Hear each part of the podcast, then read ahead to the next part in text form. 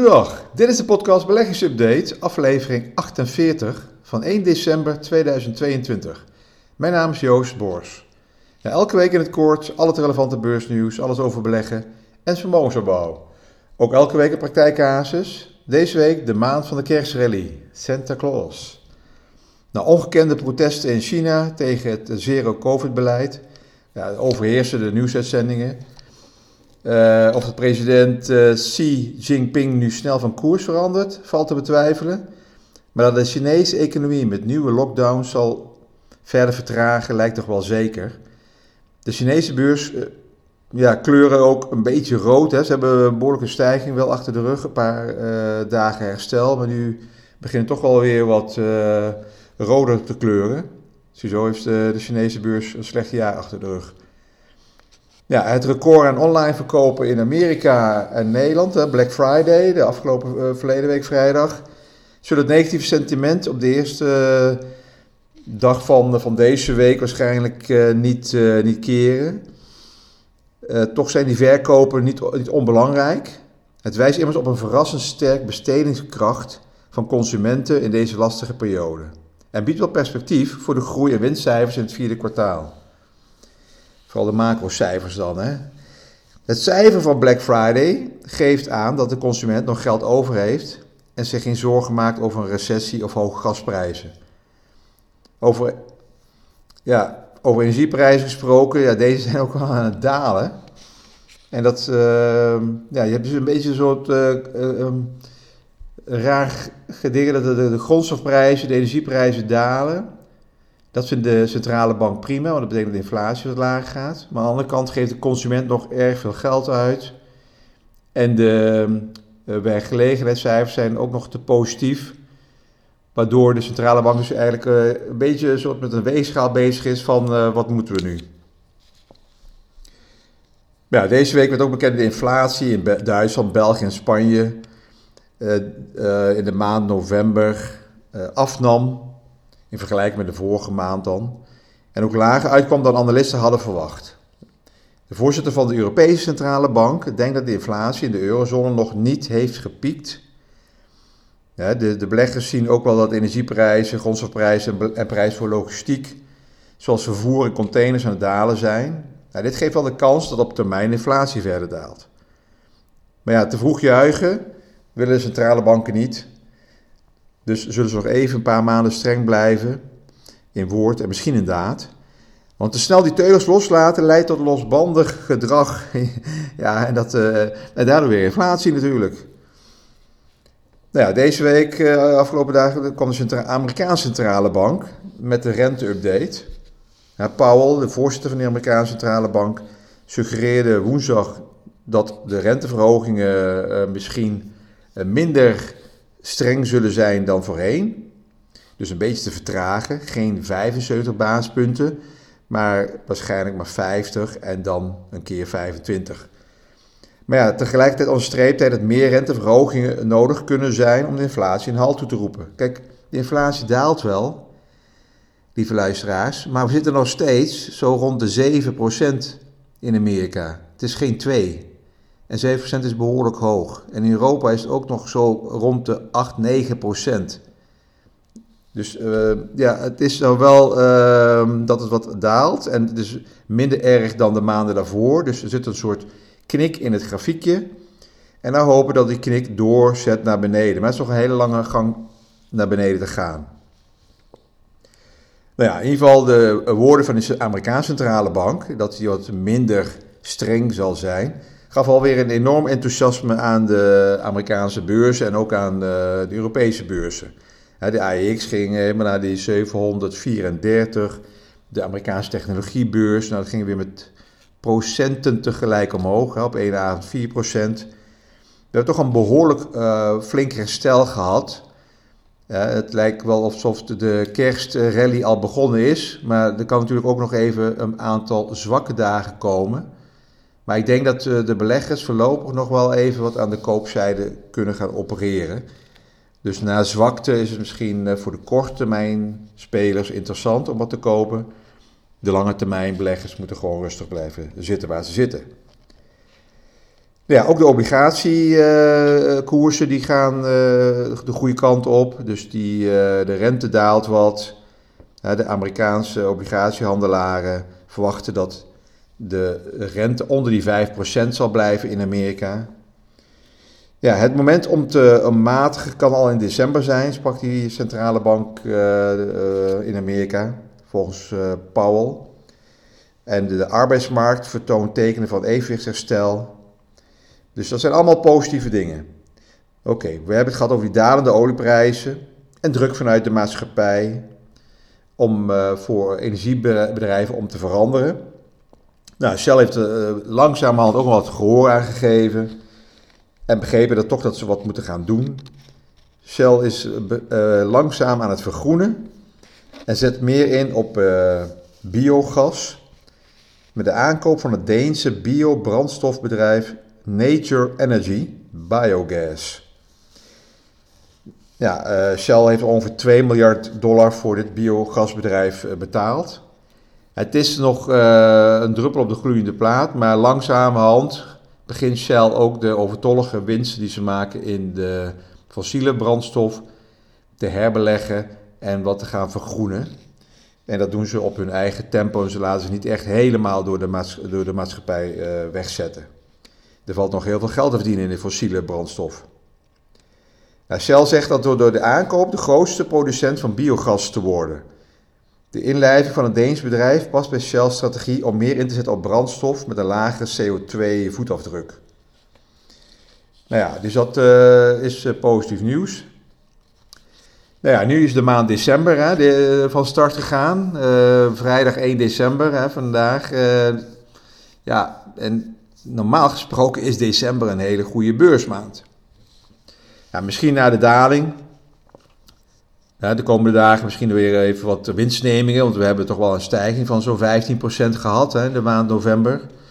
Dat de laatste twee, drie weken van december weer de beurs wat omhoog gaat. Want mensen willen misschien hun portefeuille nog gaan aanpassen, moeten nog wat cashgeld gaan herbeleggen. Uh, we willen wat, weer wat terug naar obligaties die, waar ze uit zijn, uh, of in aandelen waar ze uit zijn gestapt halverwege het jaar.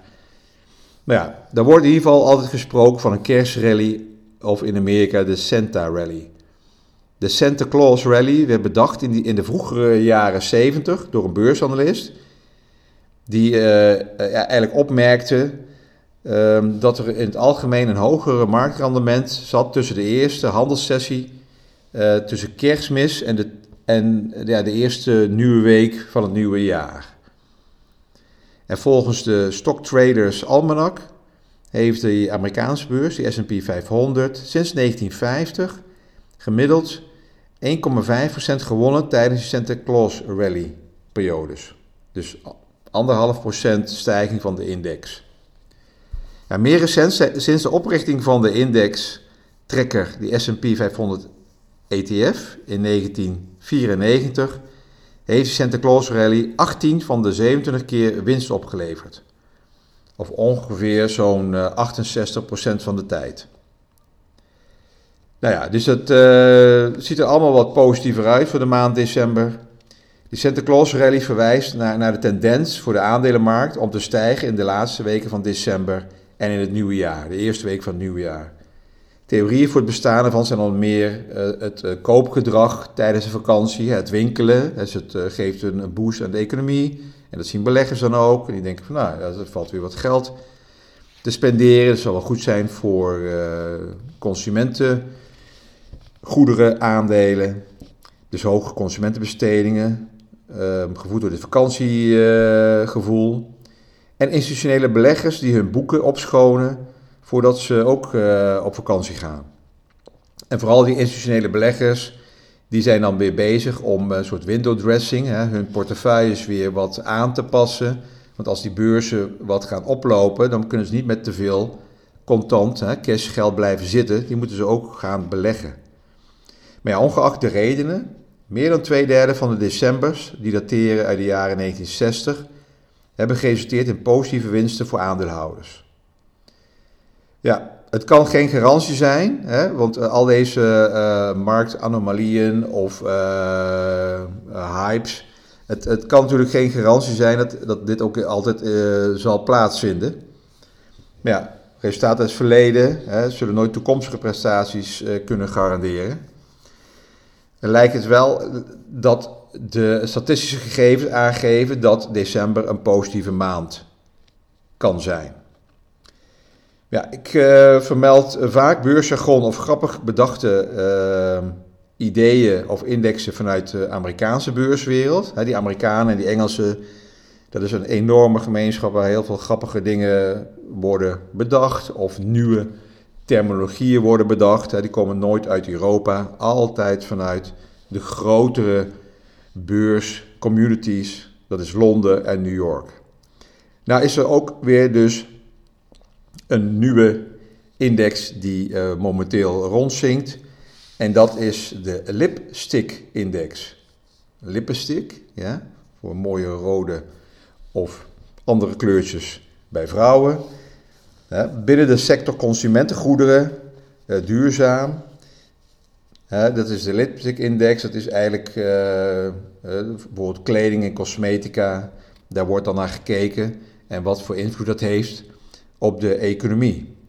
Ja, de Lipstick Index is een, eh, een term bedacht door uh, Leonard Lauder, voorzitter van de raad van bestuur van ST Lauder.